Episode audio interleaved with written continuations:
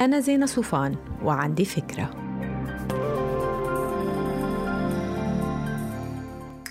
هاي بتعرفوا من وين لازم تبدوا 2020 مالياً؟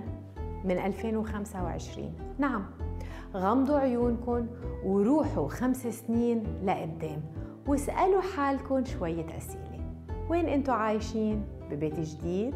ببلد جديد؟ شو عم تعملوا؟ ولادكم وين؟ بالمدارس؟ بالجامعات؟ مجوزين؟ عم يشتغلوا؟ أنتوا عم تشتغلوا؟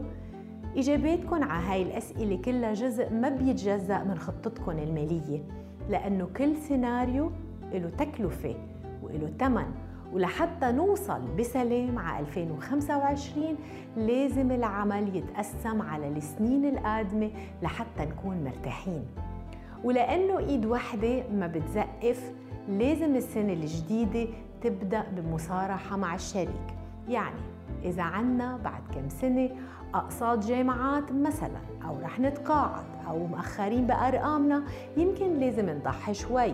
خلونا نبدأ بأنه نراجع مصاريفنا الثابتة والمتحركة ونفصل الرغبات عن الاحتياجات. يمكن نغير أشياء صغيرة يمكن نغير أشياء كبيرة. يمكن نلتزم بسفرة فسحة واحدة بالسنة بعد ما كنا معودين إنه نسافر مرتين أو ثلاث مرات. المهم إنه نتفق لأنه مش لطيف واحد منا يحط شريكه تحت الأمر الواقع. الأصول إنه القرارات تكون نتيجة حوار صريح ومباشر وبناء مرتبط بأهداف نحن الاثنين حريصين على إنها تتحقق. آخر فكرة بدي أتركها معكم هي إنه القول نص العمل. فلما نقول لحالنا إنه نحن ما بنعرف نصمم أو ما بنعرف ننظم منكون عم نعزز تيار الرفض الداخلي وعم نغذي عقلنا الباطن بأفكار محبطة.